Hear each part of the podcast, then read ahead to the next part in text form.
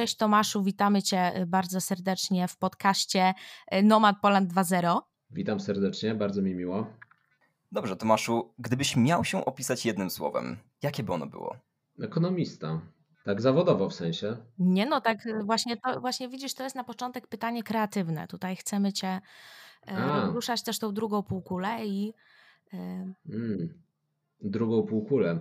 A wiecie, że to mity są z tą drugą półkulą? Znaczy to nie, że mamy dwie półkule, tylko takie, że tam te połączenia półkul to coś w edukacji robią, to to niestety jest, e, badania pokazują, że to nieprawda. O, to trudne z tym jednym słowem. No wiesz, zależy. Zawodowy ekonomista, rodzinnie mąż i ojciec, płetwonurek, no tak, przyjaciel. O, to bardzo, bardzo fajnie, zwłaszcza z z tym aspektem płetwonurka, bo już mieliśmy tutaj gościa w Polandzie, który też nurkował i jeszcze dodatkowo żeglował, więc to jest chyba jakiś pattern, jeżeli chodzi o naszych gości. Wiesz, to taka naturalna skłonność do tego, żeby iść głębiej niż e, po prostu zostanie na powierzchni. Może rzeczywiście wyznacza mi to jakoś zawodowo to, czym się zajmuję, czyli jak zajmuję się badaniami, to staram się iść głębiej. Płetwonurek w ogóle może głębiej. No. Czyli, czyli w jakiś sposób powiązane. Nawet hobby tak. się łączy z tym, tak. E, z tym takim aspektem zawodowym. Rozumiem. Dobrze. Tomku, my z Tobą rozmawiamy, oczywiście będziemy rozmawiać e, o, o, szeroko pojętym e, systemie edukacji tutaj w Polsce i o kondycji, a raczej wynikach naszych polskich studentów, którymi jesteśmy w stanie jak najbardziej się pochwalić i właśnie od tego zaczniemy, bo jakiś czas temu ukazał się raport Pearls na podstawie badania z 2021 roku. Jaki to jest raport, co on mierzy i tak dalej. Zaraz Ciebie o to zapytamy, za, zaraz Ty nam y, to, miejmy nadzieję, pięknie um, rozwiniesz. Natomiast Owy raport mierzył biegłość w czytaniu wszystkich uczniów y, klas czwartych w krajach OECD. I niemieckie media, konkretnie tutaj gazeta Die Welt, zauważyły, a wręcz y, zachwyciły się ogromnym progresem polskich uczniów na przestrzeni ostatnich 20 lat, jeżeli chodzi o wyniki e, tych egzaminów. Też zauważono, że nasz polski system edukacji znajduje się w czołówce na piątym miejscu egzekwo z fińskim za tym systemem singapurskim, e, hongkongskim, e, w Rosji oraz w Anglii. Natomiast Warszawa, sama jako oddzielne miasto, znalazła się w czołówce miejsc z najskuteczniejszym systemem edukacji, właśnie w kontekście tych wyników e, z badania Pearl z 2021 roku. I na początku tak żeby nasi słuchacze w ogóle wiedzieli o co chodzi. Chciałam Cię poprosić, czy mógłbyś nam opowiedzieć o tych egzaminach, co one mierzą, kto on zleca, jak często, y, kto je zleca, jak często, po co? I tak dalej. To małe sprostowanie od razu. E, to znaczy, to co ukazało się w Divelcie, to było akurat dotyczyło wyników Polski w badaniu PISA, nie PERS, i to było rzeczywiście o naprawdę spektakularnym postępie tego, jak wypadają Polacy przez ostatnie 20 lat tych międzynarodowych badań uczniów. E, natomiast to, co się ukazało, i ten wywiad był jeszcze przed ukazaniem się wyników badań PERS 2021 roku, które są pierwszymi popandemicznymi wynikami. To są zupełnie dwa różne badania. Badanie PISA to jest badanie 15-latków, e, w którym na całym świecie patrzy się wśród krajów OECD e, i dodatkowych partnerów, jak wyglądają kompetencje z czytania ze zrozumieniem, rozumowania matematycznego i science, czyli wiedzy o świecie e, w, na tej samej skali. To jest jedyne na świecie badanie, które naraz w trzech przedmiotach dla 15-latków mierzy na tej samej skali, tym samym termometrem to, co potrafią e, uczniowie. I tutaj rzeczywiście jesteśmy zawsze pytani o ten fenomen polski, bo jak spojrzymy na większość krajów przez te 20 lat, to one mają taki no, no, prawie wszystkie wypadają tak samo. Polska jest jednym z tych niewielu krajów, które daleko poniżej średniej dla krajów OECD przeszły do e, bycia statystycznie takimi samymi jak, e, jak Finlandia. Natomiast badanie PERLS, które ukazało się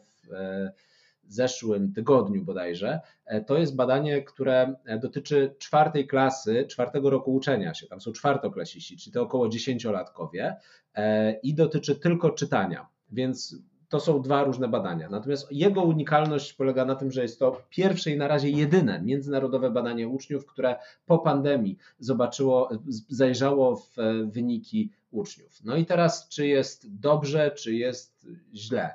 No, przez media się przetoczyła fala zachwytu nad wynikami e, w badaniu PERS. Rzeczywiście polscy czwartoklasiści wypadli, e, można powiedzieć, bardzo, e, bardzo, bardzo dobrze. Są nieodróżnialni statystycznie od Finów. Tak jak powiedziałaś, tuż za tymi systemami ikonicznymi jak, jak Singapur. No, Finlandia kiedyś, kiedyś też była niedoścignionym wzorem, dzisiaj jesteśmy na ich poziomie. No ale jakbym powiedział, to jest bardzo powierzchniowe. Tak jak byliśmy przy tym nurkowaniu, no to to jest takie pływanie na powierzchni. Widzimy, że woda jest wielka i, i niebieska i, i, cieszymy się z tego. Ale jak zajrzymy do tego, jakie te wyniki tak naprawdę są, to, no, no to trochę większy niepokój to jednak rodzi.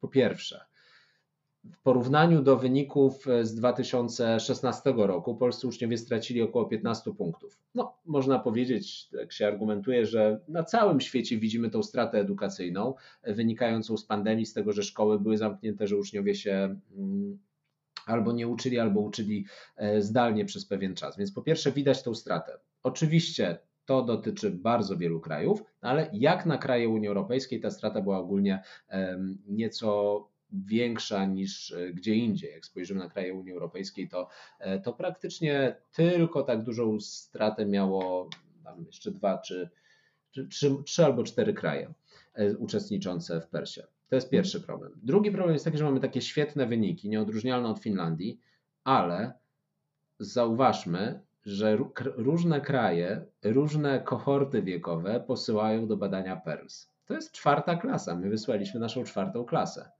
Czy to jest czwarty rok nauki? Nie.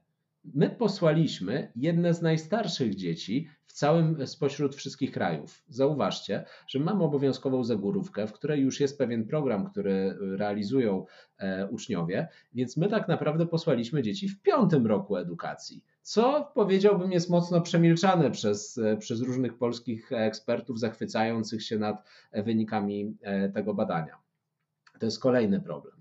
No ale jeszcze większy problem z tymi wynikami, nie chciałbym tutaj burzyć tego pięknego obrazu, ale jak spojrzymy, słuchajcie, na, na to, co się zmieniło w dobrostanie e, w szkole, no to widzimy, że, że, mamy do czynienia ze sporym kryzysem w edukacji. Po pierwsze, uczniowie mają bardzo niską poczucie związku ze szkołą, poczucie przynależności, te takie miękkie cechy. Natomiast jest, jest, najgorzej jest wtedy, jak spojrzymy na nauczycieli. Mamy po pierwsze nauczycieli, którzy znacząco średnia ich wieku e, wzrosła. Jeszcze w tym 2016 roku to tam do 40 lat to było ponad tam 32% nauczycieli. W tym momencie do 40 lat jest to zaledwie 18%, czyli w ogóle no prawie połowa mniej. Widzimy, że z kolei nauczycieli powyżej 50 lat dzisiaj mamy powyżej 40%, było zaledwie 35%. No i, i tak dalej. Te, te, widać, że jest star, star, starzeją się nauczycieli, brak młodych nauczycieli w zawodzie, ale to nic by nie było złego. Gdyby nie to, że te pytania o satysfakcję z pracy nauczycieli wypadają wprost dramatycznie. To znaczy, jak spojrzymy na e, dane dotyczące zadowolenia ze swojego zespołu, czy praca ma sens i cel, te takie najważniejsze rzeczy związane z misyjnością zawodu, no to tam rzeczywiście widzimy dramatyczny spadek zadowolenia i satysfakcji pracy e, wśród e, nauczycieli. Więc widzimy, że po pierwsze wyniki, no trzeba zanurkować troszeczkę głębiej, żeby zrozumieć, że e, zachwycanie się nad tym, że mamy, e, posyłamy starsze dzieci e, i w związku z tym one mają lepsze wyniki niż w tym wieku, to jest bardzo dużo, taki dodatkowy rok. To, to, to jest pierwsza rzecz. A, a druga rzecz to jest spojrzenie na te cechy niekognitywne, no to jest powiedziałbym szokujące. A to jest o badaniu PERS, ale może się zamknę na chwilę. Pytanie? Nie wiem, e, nie wiem, Paweł, czy ty chcesz zadać? Ja w każdym razie chciałam ci mm, bardzo podziękować, Tomku, że za, nakreśliłeś nam e, te problemy e, w edukacji, najbardziej jakby to archaiczną polszczyzną powiedzieć burning issues. To są takie, jeżeli chodzi właśnie o nasz obecny system oświaty, do kondycji polskich uczniów do problemu narastającej, narastającej depresji, współczynnika samobójstw wśród młodych jeszcze wrócimy. Natomiast ja chciałam się zapytać Ciebie, no właśnie, bo wspomnieli, wspomniałeś o tym, że ze wszystkich krajów um, OECD my tak naprawdę jesteśmy jednym z tych krajów, które wydają e, bardzo mało na edukację, a pomimo tego w ciągu tych ostatnich 20 lat e, nastąpił taki wzrost, jeżeli chodzi o wyniki naszych uczniów. I co się, co się za tym kryje głównie? Mhm. Dobra, to tylko teraz tak. Oddalamy się od badania PERS, które bada e, czwartoklasistów swoją drogą. Co ciekawe, my badaliśmy tych czwartoklasistów e, w czwartej klasie w 2016 i 2021 roku, natomiast we wcześniejszych edycjach, które były, badaliśmy uczniów trzecich klas, no bo wtedy uważało się, że jest to czwarty rok nauki. Dlatego wyniki zresztą dla Polski w badaniu PERLS przeżyły ogromny skok, ale one są kompletnie nieporównywalne, bo to inny rocznik. Natomiast to, o czym mówisz, to jest rzeczywiście badanie 15-latków, które no, w pewnym sensie jest bardziej obiektywne, no bo jeżeli bierzemy dokładnie dzieci w tym samym wieku na całym świecie. Nie? I tam bazujemy na tych wynikach badania PISA, które ostatnia ich edycja opublikowana miała miejsce w 2018 roku. Teraz w grudniu 2023 będą opublikowane wyniki badania e, PISA 2022. Więc w grudniu to będzie wielki dzień dla edukacji. Dowiemy się tak naprawdę w takim bardziej po, lepszym pomiarowo e, badaniu, e, jakie są wyniki 15-latków na całym świecie. No i tutaj możemy się spodziewać, że rzeczywiście one no, już nie będą tak pozytywne dla Polski z paru przyczyn, o których rozmawialiśmy. To po pierwsze ta luka po-covidowa, po drugie, zmiany strukturalne w systemie oświaty, które akurat dla 15-latków są wyjątkowo niewygodne. Zobacz, 15-latkowie to jest dawniej, to były osoby, które były w trzeciej gimnazjum. Przy, one właśnie były tuż przed egzaminem e, gimnazjalnym, uczyły się do tych egzaminów. W tym momencie 15-latkowie to jest pierwsza liceum i pierwsza klasa szkół branżowych, techników. To, to już jakby to nie są osoby jeszcze w tym cugu, w tym ciągu takim. To już są osoby, które jakby ten spięcie przeżyły na koniec e, ósmej klasy, e, a teraz już powiedziałbym są na troszeczkę w innym miejscu. To też może wpłynąć na wyniki. Ale jeżeli chodzi o sam system edukacji i dlaczego my przez te 20 lat tak e, urośliśmy w tych wynikach, no, na to złożyło się kilka czynników. Tak naprawdę była to wśród nich niesamowita mm, efektywność tego systemu, to o czym wspomniałaś, czyli to, że my tak naprawdę mieliśmy bardzo niskie, mm, inaczej, nasi nauczyciele byli w stanie z bardzo niewielkich zasobów bardzo wysokie, wysoką jakość edukacji wyprodukować. To było trochę pokłosiem też zmian systemowych, tej reformy z 1999 roku, kiedy to z kolei była odwró odwrócenie tego, co teraz jest, czyli z 8 plus 4 przeszliśmy na 6 plus 3 plus 3. E, ale ta reforma wiązała się nie tylko z samą zmianą struktury. Tam później była reforma programu nauczania, e, była również e, znacząca zmiana idąca w stronę systemu awansu zawodowego nauczycieli, którzy musieli się doszkalać. Była mm, cała reforma związana z ustaleniem w systemie tych takich assessmentów, egzaminów zewnętrznych, które były na kilku elementach takim sprawdzeniem, wiedzy, takim zmierzeniem temperatury. One nie były porównywalne między latami, ale były porównywalne wewnątrz mm, kohorty. Więc, więc jakby kilkakrotnie i te wyniki były też publikowane na poziomie szkoły, więc wytworzył się taki mechanizm zdrowej, naturalnej konkurencji między szkołami, między nauczycielami. Do tego decentralizacja edukacji, czyli to, że tak naprawdę samorządy odpowiadają za e, edukację i oddolnie też ta, e, ta wysoka mm, jakość e, dostarczanej edukacji stała się e, dla lokalnych społeczności ważna. Te wszystkie czynniki zaważyły na tym, że ten system był tak efektywny i przy tak niewielkich nakładach był w stanie zrobić tak gigantyczny postęp. Zauważcie, że poza nami, poza Polską, praktycznie tylko Estonia, Portugalia, Chile, no i tyle chyba. To są kraje, które zanotowały tak gigantyczny postęp. Natomiast ta Finlandia, o której wszyscy tak opowiadają i się cieszą, że my w końcu jesteśmy jak Finlandia, Słuchajcie, Finlandia znacznie jeszcze szybciej niż ktokolwiek rośnie. Ona z tych wyżyn jakości edukacji po prostu na łeb na szyję spada przez te 20 lat równią pochyłą. Więc jak się zastanawiamy, na kim się wzorować, no czy powinniśmy się naprawdę wzorować na kimś, na, na zmianach, na trendach w edukacji, które przynoszą Finlandii tak znaczący spadek który stabilnie wychodzi w każdym badaniu? No chyba nie. Raczej należy spojrzeć na to, jaka była edukacja w Finlandii w roku 2000, a nie jaka jest przez ostatnie 20 lat. Chciałabym jeszcze trochę, żebyś opowiedział nam, jeżeli możesz, o tych sposobach tradycyjnej polskiej edukacji, polskiej w cudzysłowie oczywiście, ale takiej edukacji, na którą my bardzo często narzekamy, uważamy, że to są jakieś archaiczne sposoby, które, nie wiem, są jakoś mało y, kreatywne, mało jest tam y, krytycznego myślenia i tym podobne, a które jednak okazuje się, y, przy, przynajmniej tak, tak wnioskuję z tego, że okazują się efektywne i skuteczne, jeżeli chodzi po pierwsze o um, zwiększanie y, ilości informacji, przetwarzania y, danej wiedzy, ale też potem umiejętności mm, jakoś wykorzystania jej w praktyce. Czy mógłbyś nam trochę o tym opowiedzieć?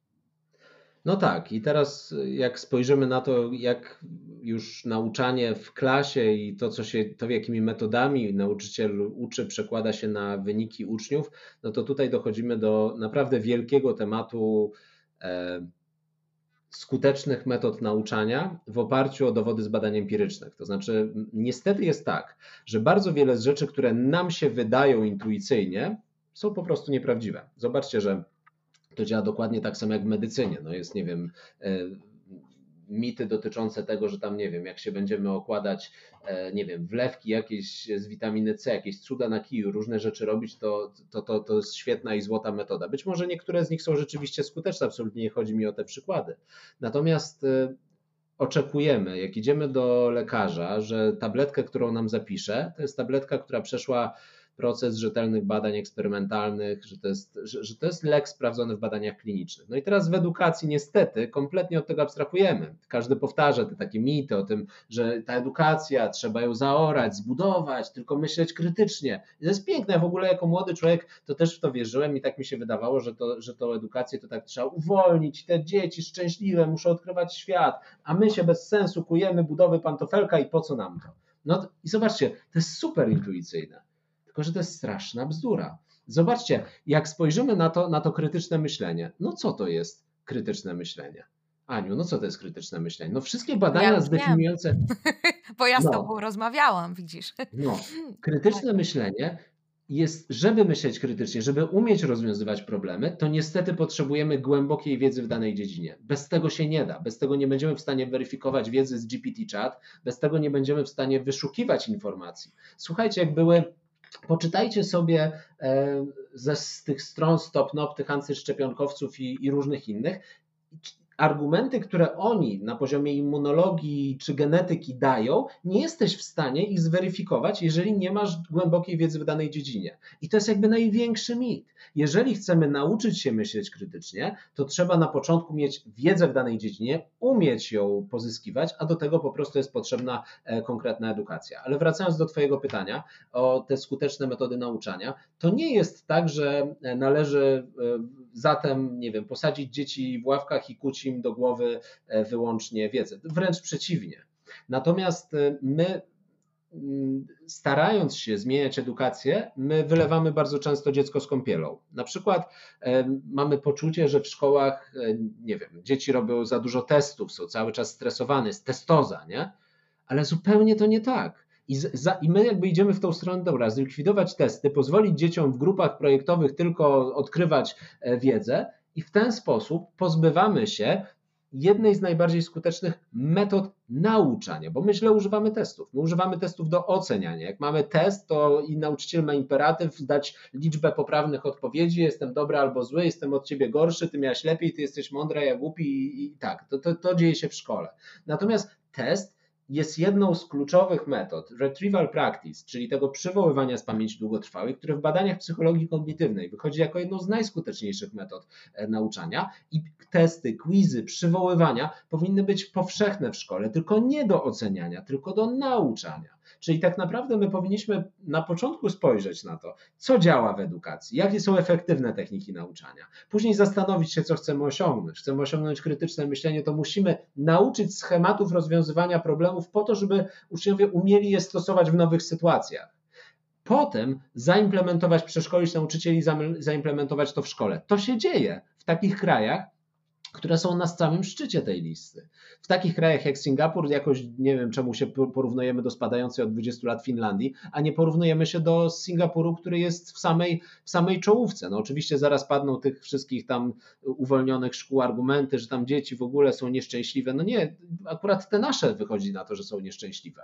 E, od rzeczywiście tego, że używamy testów jako narzędzia opresyjnego, e, to, to na pewno, że mamy problem z poczuciem przynależności, natomiast przede wszystkim badania też pokazują, że y, badania nad, nad, motywacją w edukacji, nad tym, na ile motywacja związana jest z wynikami edukacji, że to skuteczne nauczanie leży u podstaw motywacji, a nie na odwrót. Czyli jeżeli chcemy mieć szczęśliwe, zmotywowane dzieci, uczmy je skutecznie, a nie wierzmy w te takie mity i zabobony o tym, że trzeba w szkołę zaorać i uczyć krytycznego myślenia. No nie, uczenie krytycznego myślenia wymaga porządnej edukacji, tych podstaw i szczególnie w dzisiejszych czasach, czasach fake newsów, czasach wszędzie, czasach e, sztucznej inteligencji, te głębokie podstawy i umiejętność weryfikacji informacji w oparciu o źródła i podstawowa wiedza stają się szczególnie ważne. Przy czym wiedza to nie znaczy zapamięta, pamięciuwa, to znaczy schematy rozwiązań. Zobaczcie, we, weźcie, nie wiem, matematykę.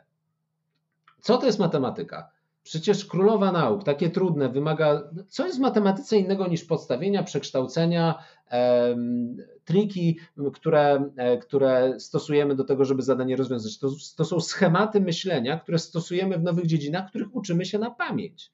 I tak jest łącznie w każdej dziedzinie z krytycznym myśleniem. Są to schematy rozwiązań, których uczymy się i umiemy stosować w nowych sytuacjach. Mhm. To pokazują badania. To nie jest romantyczne. Każdy z nas chciałby mieć taką magiczną sztuczkę. Tak jak byłem ostatnio w, e, w księgarni, na, na półce z książkami była masa tych takich książeczek, jak tam, nie wiem, dziecko ma się uczyć, żeby było super wykształcone, te jakieś triki na neurodydaktykę, że jak lewą ręką robię trójkąty, prawą kółeczka i śpiewam, to tam nam się coś lepiej robi. Nie, badania pokazują, że znacznie skuteczniejsze dla postępu jest wyjście na spacer niż robienie tych jakichś dziwnych czarów. My po prostu lubimy magiczne sztuczki.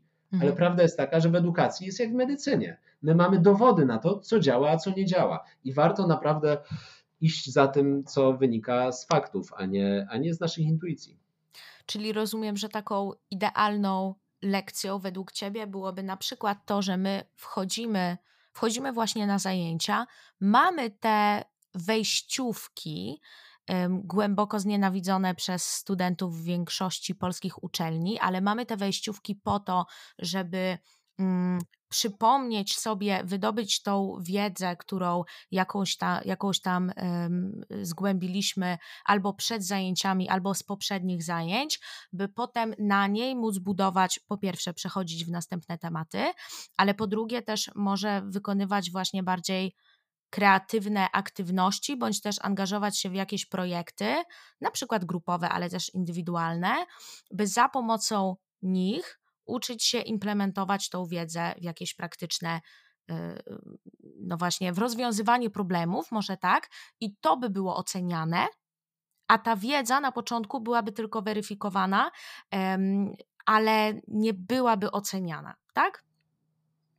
To znaczy, ja bym nie zamykał tych e, metod retrieval practice do e, wejściówek i, i, i, testów. Tych metod są dziesiątki różnych sposobów. Tak? Są, jest cold call, są quizy, które uczniowie nawzajem sobie mogą robić. Mogą to robić w parach, mogą to robić brain dumpem, czyli takim zaczyna się lekcja, wszyscy wchodzą, ja zadaję pytanie, dobra, Wymień trzy najważniejsze rzeczy z poprzednich zajęć. I pak, oni piszą trzy rzeczy. Nie patrzę na to, nie oceniam tego. Oni się później wymieniają tymi kartkami. Jest y, pytanie klasy. Ważne, żeby zdjąć z tego tą opresyjną warstwę, czyli właśnie stawianie punktów, czy mówienie źle, dobrze, tylko jedynie zadawać pytania i pokazywać poprawne rozwiązania. Czyli to jest jedna rzecz, to jest zadawać jak najwięcej pytań. Badania pokazują, że jakby tak jednym, z, pytałaś mnie na początku o, o jedno e, słowo, którym się określił. Jakbym miał powiedzieć jedna rzecz, która sprawia, że e, edukacja jest skuteczna, to skuteczni są ci nauczyciele, którzy zadają dużo pytań, bo badania pokazują, że retrieval practice, czyli w dosłownym tłumaczeniu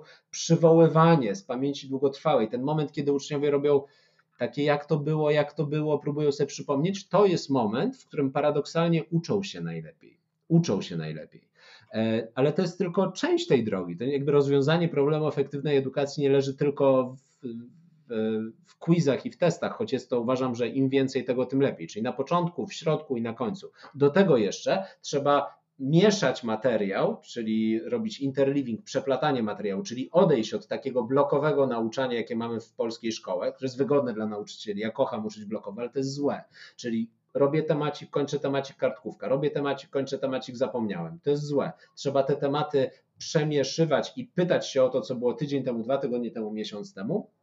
I jeszcze space practice, czyli rozłożenie tego w czasie w odpowiedni sposób. No cała cała gigantyczna wiedza z, z tego tak zwanego cognitive science, czyli z badań psychologii kognitywnej, pokazuje dokładnie, jak uczyć. Teraz pytanie, dlaczego to, co teraz wspomniałem, nie jest jakby głównym przedmiotem zainteresowania e, edukatorów i promowania tego w szkole. Zamiast tego mamy różne, no już mówiąc otwartym tekstem, kompletne mity i bzdury o tym, że nie wiem, style nauczania, indywidualizacja stylów nauczania pomaga w nauce i tak dalej, podczas kiedy jest, nie wiem, książka Winningama na temat mitu stylów uczania. Czemu te rzeczy są promowane? No bo nie ma kultury w Polsce szczególnie, ale też w innych krajach, e, wzorowania się wyłącznie na e, faktach popartych e, badaniami. W UK, w Wielkiej Brytanii na przykład jest e, z tego zrodził się w ogóle taki cały ruch nauczycieli Research Ed, który, którzy oddolnie zaczęli jakby protestować przeciwko takim właśnie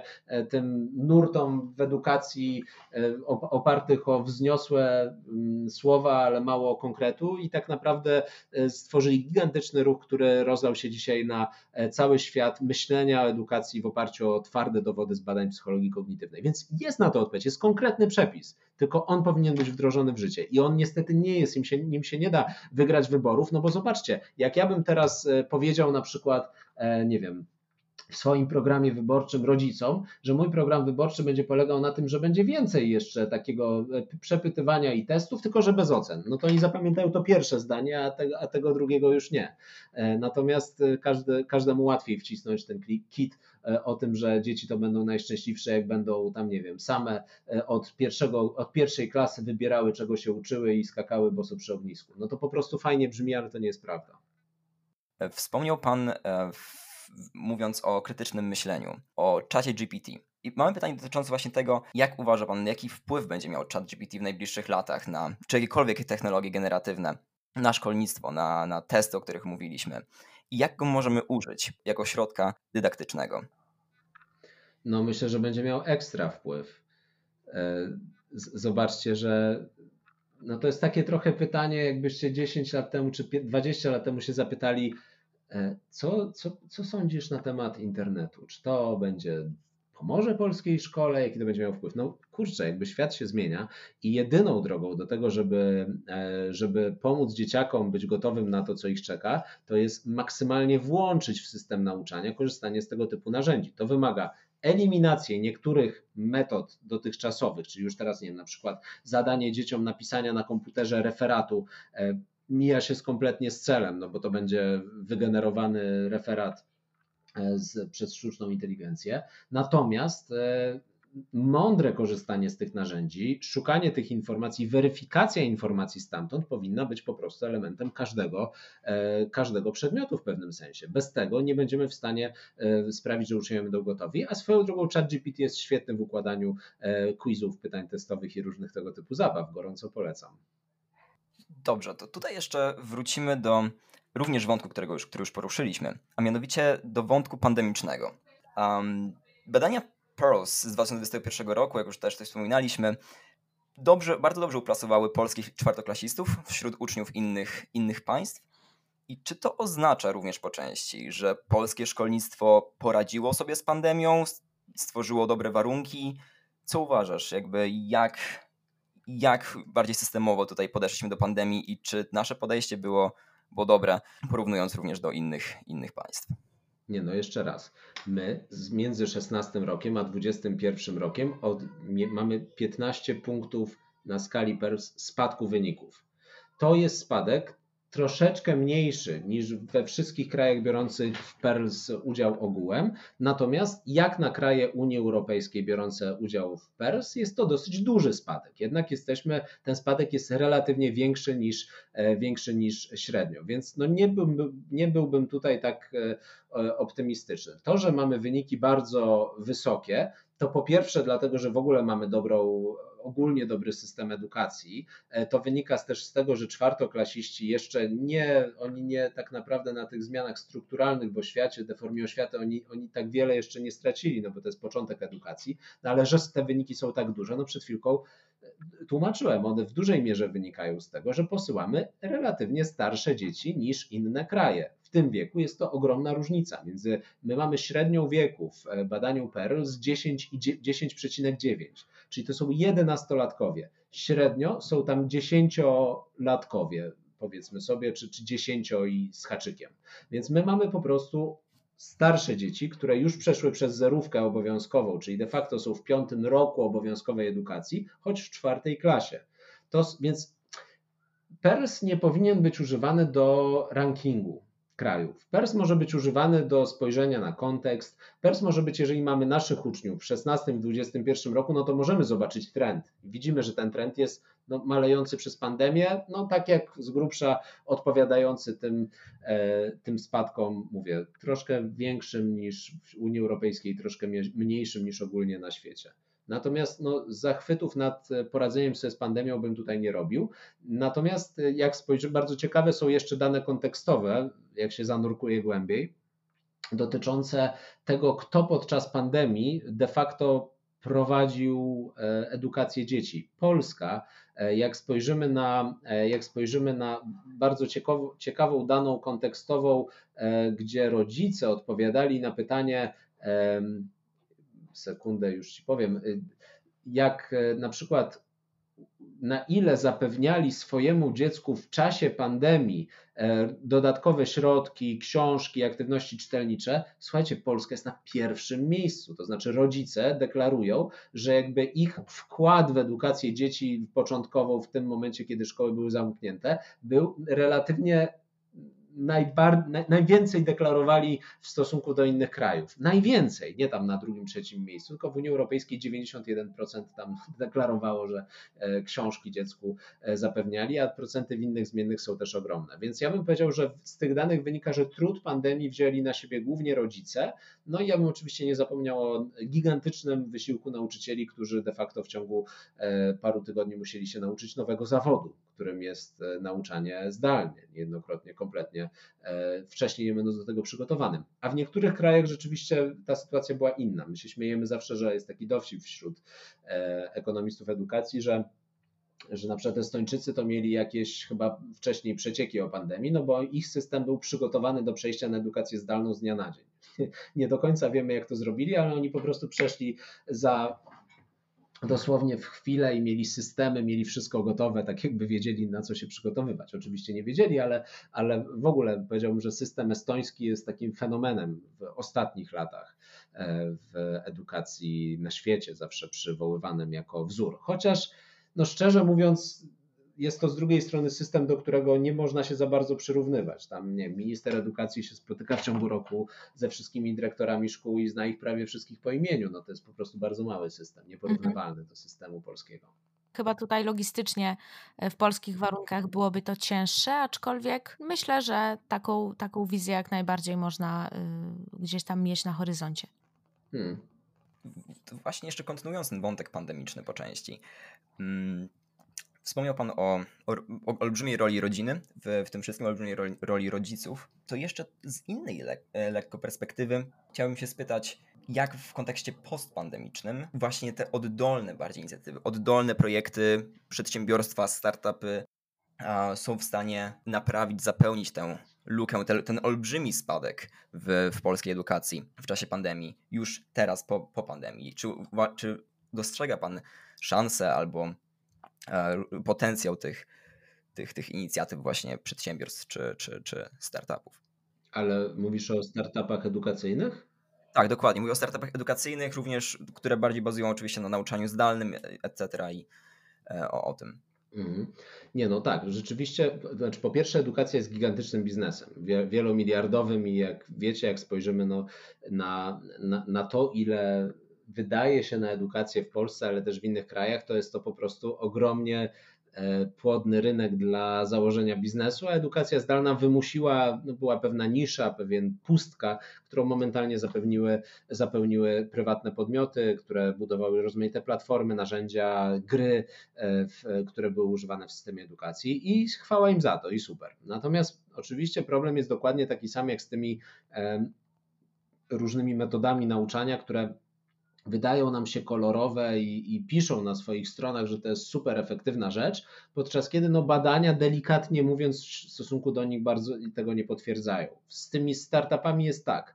Mamy ogromną różnorodność i trzeba umieć odróżniać ziarno od plew. Mamy startupy, które są oparte o pryncypie psychologii kognitywnej. Mamy metody, nie wiem, na, na przykład te żeby bez, bez nazw, ale mamy, nie wiem, świetne aplikacje do nauki języków obcych, które oparte są dokładnie o, ten, o tą całą wiedzę, o której już sobie wspomnieliśmy, no ale mamy też na przykład różne e, gry, które w ogóle pięknie wyglądają i się świetnie dzieciaki bawią, tylko nie do końca się czegoś uczą w tym czasie, no bo właśnie nie ma zapewnionej tej, e, tej troski o to, żeby była efektywne przekazywanie wiedzy i wysoka jej retencja. Więc jakby w, narzędziach, które zostały te edtechowe, tak zwane narzędzia w edukacji wprowadzone, jest niesamowita mieszanka rzeczy, które są skuteczne, nieskuteczne. Mamy z jednej strony, nie wiem, e, sławny na cały świat teraz w Stanach bardzo popularny Brainly, mamy z drugiej strony, nie wiem, portale, które reklamują e, się jako, jako jakieś, nie wiem, wielkie odkrycie, które tak naprawdę nie, nie niosą za, sobie, za sobą specjalnie wysokiej jakości wyników. No może ja mogę się przejechać po nich wszystkich z nazwy, ale nie wiem, czy to jest dobre miejsce i czas na to. Może, y, może, może następnym razem, aczkolwiek myślę, że y, y, tutaj nam osobiście by to nie zaszkodziło, ale to już dobra, może wyjdźmy, wyjdźmy z tego wątku. Ja chciałam Cię zapytać, jak prognozujesz wyniki e, badania PISA, o, którym już, e, o których już e, wspomnieliśmy, czyli te właściwe, mhm. którym, e, którymi zachwycał się magazyn e, Die Welt, które badają e, zdolności czytania, ze, umiejętności czytania ze zrozumieniem matematyczne, ale też przyrodnicze wśród 15-latków, 15-latków. I w przyszłym roku bodajże wyjdzie ten raport na podstawie badania z roku 2022, który był wyjątkowo ciężkim rokiem dla polskiej edukacji ze względu na nie tylko jeszcze ten rys popandemiczny i konsekwencje y, pandemii, ale również ze względu na kolejny y, kryzys, mianowicie przymus, albo może raczej no, sytuację, y, w której nie postąpilibyśmy inaczej niż przyjąć do siebie, zaopie zaopiekować się tysiącem uczniów z Y, Ukrainy, oczywiście w związku z, y, z wojną, która się tam rozpoczęła. I mhm. jak w kontekście tych różnych y, wydarzeń poprzedniego roku myślisz, że ten najbliższy raport PISA, co, co, jakie, jakie będą wyniki? Czego możemy oczekiwać? No, myślę, że możemy się spodziewać dosyć znaczącego spadku e, wyników e, polskich uczniów, co ma swoje źródło w kilku źródłach. To znaczy, po pierwsze, w e, pandemii, w zamknięciu szkół. Poza tym, jednak w zmianach strukturalnych w oświacie, no bo tak jak sobie powiedzieliśmy, to będą 15-latkowie, którzy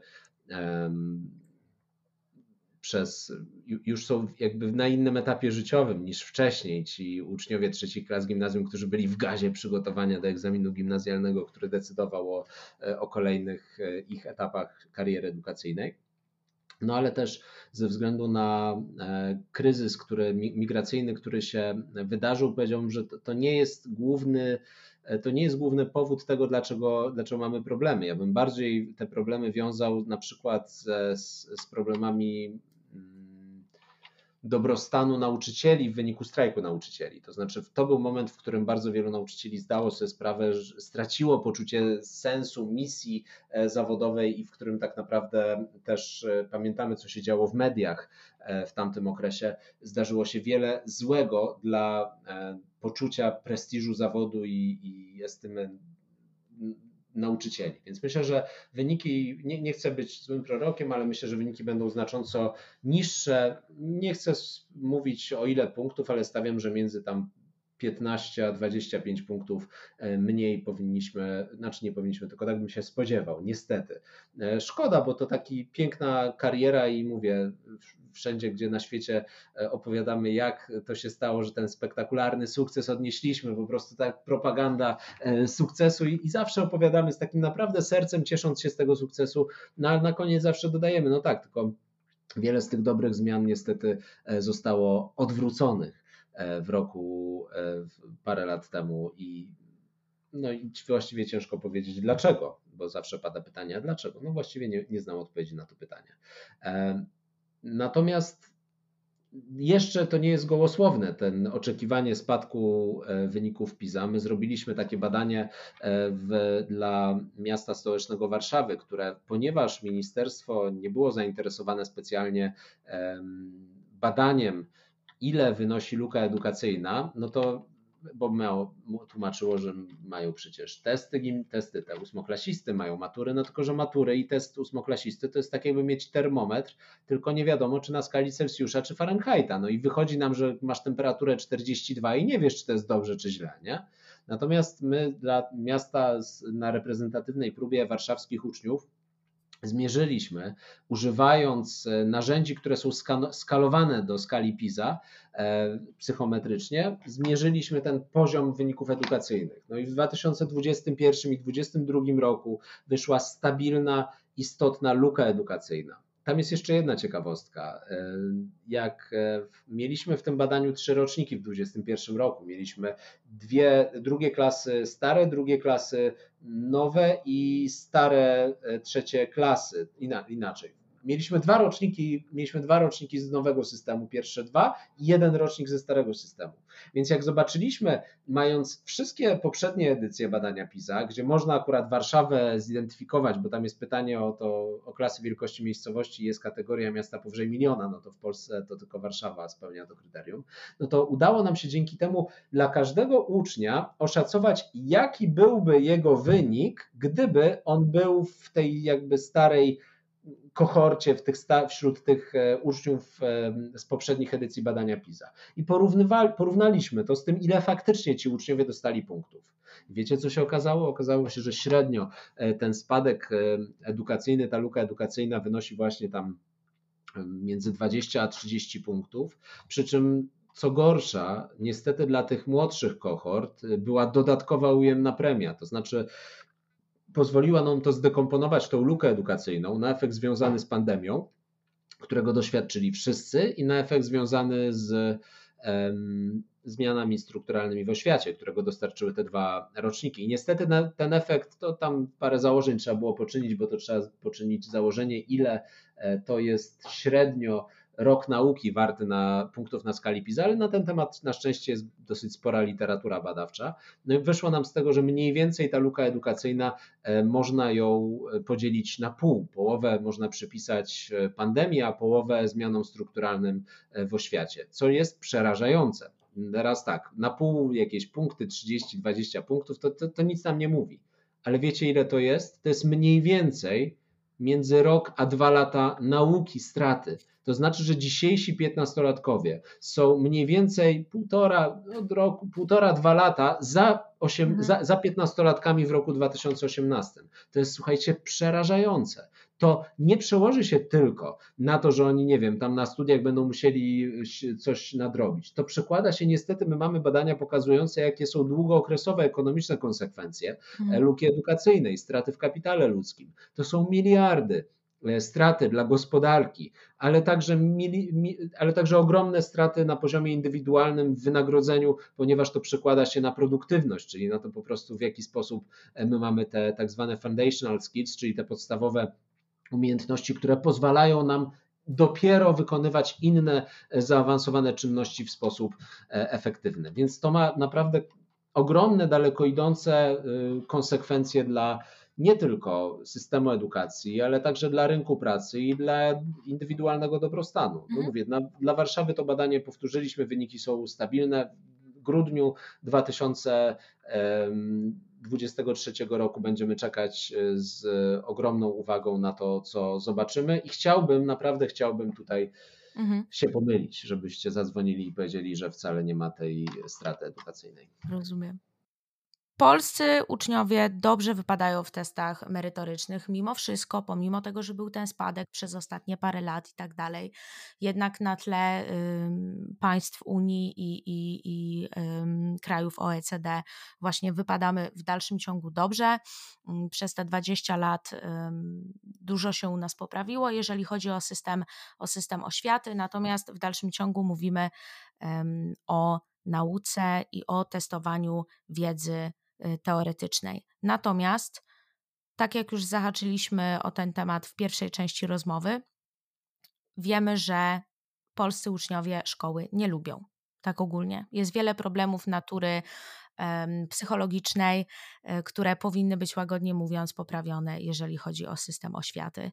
I teraz pytanie, co my, co my z tym możemy zrobić? Czy nasze mm, cele czy nasze priorytety, jeżeli chodzi o prowadzenie w ogóle systemu edukacji na poziomie podstawowym, powinno się trochę zmienić, powinno stać się bardziej holistyczne, patrząc, patrzeć na ucznia jako, jako całość i dbać też o jego zdrowie psychiczne, czy też e, czy też może powinniśmy wprowadzić jakieś inne modyfikacje, ale w dalszym ciągu zostać przy tym systemie, w którym tkwimy obecnie. Znaczy, ja myślę, że to jest jedna z najważniejszych rzeczy teraz e, w edukacji. To znaczy, o ile rzeczywiście w, e, wyniki uczniów są w Polsce relatywnie dobre, choć myślę, że warto by było tutaj też e, walczyć o ich poprawienie. Naprawdę nie ma przyczyny, dlaczego ciągle bywają kraje, w których ten system jest lepszy. O tyle największym problemem jest ten dobrostan uczniów. Widzimy w danych, że znacząco ta poczucie przynależności, rozmaite wskaźniki związane z dobrostanem uczniów wypadają słabo. Widzimy z danych już poza tymi badaniami uczniów dotyczące e, rosnących odsetków depresji oraz rzeczywiście tych e, niebezpiecznych zjawisk, które się pojawiają. Natomiast no, no tutaj mamy dwa kanały działania. Jedno to jest e, rzeczywiście poważ, prawdziwą pomoc psychologiczną wprowadzić do szkół i zatroszczyć się w większym stopniu o stan psychiczny dzieci. Tutaj pandemia zrobiła niesamowite spustoszenie. Zauważcie, że jeżeli były na przykład jakieś problemy domowe, to one zostały zamknięte jak w puszce w trakcie pandemii tak? Dzieciaki nie miały w ogóle możliwości wyjścia. Szkoła już nie była katalizatorem, tylko była dostarczycielem pewnego produktu, który nie, nie wyrywał ich ze środowiska, gdzie miały problem, jeżeli akurat problem tkwił w domu. Natomiast nawet w, kiedy szkoły są otwarte, to zatroszczenie się o dobrostan dzieci jest gigantycznym wyzwaniem po stronie psychologicznej, relacyjnej, przynależności. Ale drugą stroną, na którą na której ja się lepiej znam i, i o której mogę mówić, to też jest e, to, że jeżeli chcemy mieć dzieci, które w lepszym stopniu na przykład są zmotywowane do nauki, to trzeba te dzieci uczyć skuteczniej. Mamy na przykład w badaniu PERLS, e, o którym już dzisiaj sporo rozmawialiśmy, dane dotyczące tego, jakie są wyniki uczniów w czytaniu, ale też czy uczniowie lubią czytać. No i okazuje się, że polscy uczniowie mają wysokie wyniki w czytaniu, ale absolutnie nie lubią czytać. I to jest jeden z takich wskaźników, który woła o to, żeby wprowadzić do szkół e, zmiany w zakresie też metodyki e, nauczania. I badania pokazują, że z tego skutecznego nauczania rodzi się motywacja, że uczniowie, którzy widzą, że osiągną sukces, którzy widzą, że są sprawczy, którzy widzą, że im się udaje, że odnoszą sukces, że właśnie nie są oceniani co chwila, ale widzą, że odnoszą postęp, są tak naprawdę bardziej do nauki zmotywowani. Czyli dwojako. Z jednej strony troska o relacje, poczucie przynależności, a z drugiej strony skuteczne nauczanie. tak, w skrócie. Natomiast e, jak zderzymy to z stanem psychiatrii dziecięcej w Polsce, z brakami lekarzy, no to, to, no, no to tak systemowo wydaje się, że mamy gigantyczny problem. Ja nie jestem ekspertem w dziedzinie psychiatrii, wiem tylko, że w tym obszarze e, dane o przepełnieniach e, szpitali, trudności w dostępie do specjalistów są rzeczywiście alarmujące i pandemia na pewno tutaj nie pomogła. Mhm.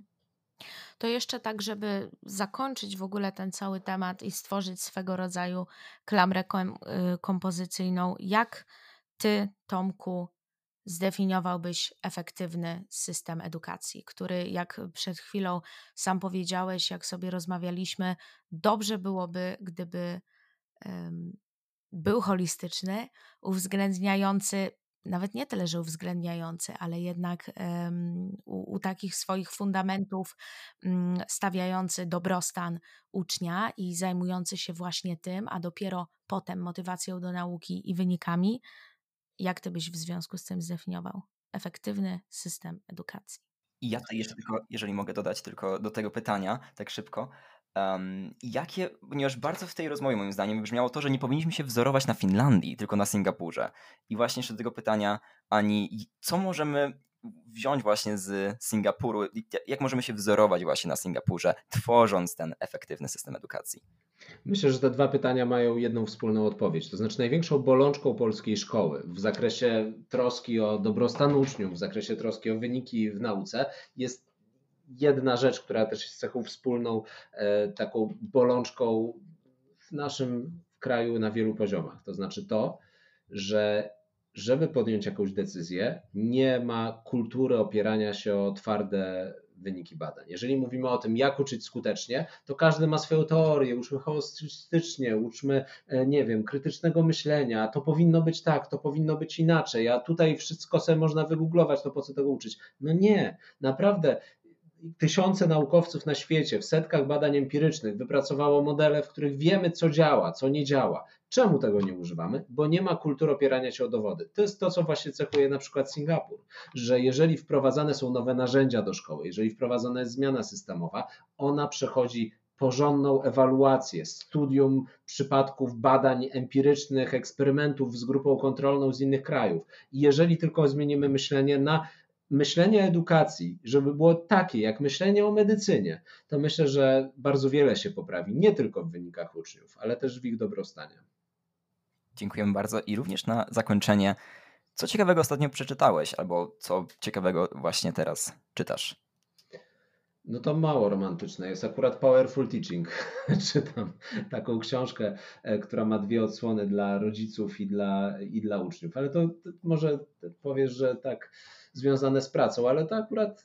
Nie wychodzisz z pracy. Rozumiemy. Nie, nie, to właśnie problem w tym, że, że kognitywistyka i, e, i, i, to, jak działa ludzki mózg, jak można poprawić e, wyniki edukacyjne, to, to naprawdę od pewnego czasu stało się nie tylko efektywność edukacji, nie tylko moją pracą, ale przede wszystkim hobby. Więc jak mam sięgnąć e, ostatnio po książkę, to właśnie sięgnąłem po, po Powerful Teaching, które Państwu swoją drogą gorąco polecam.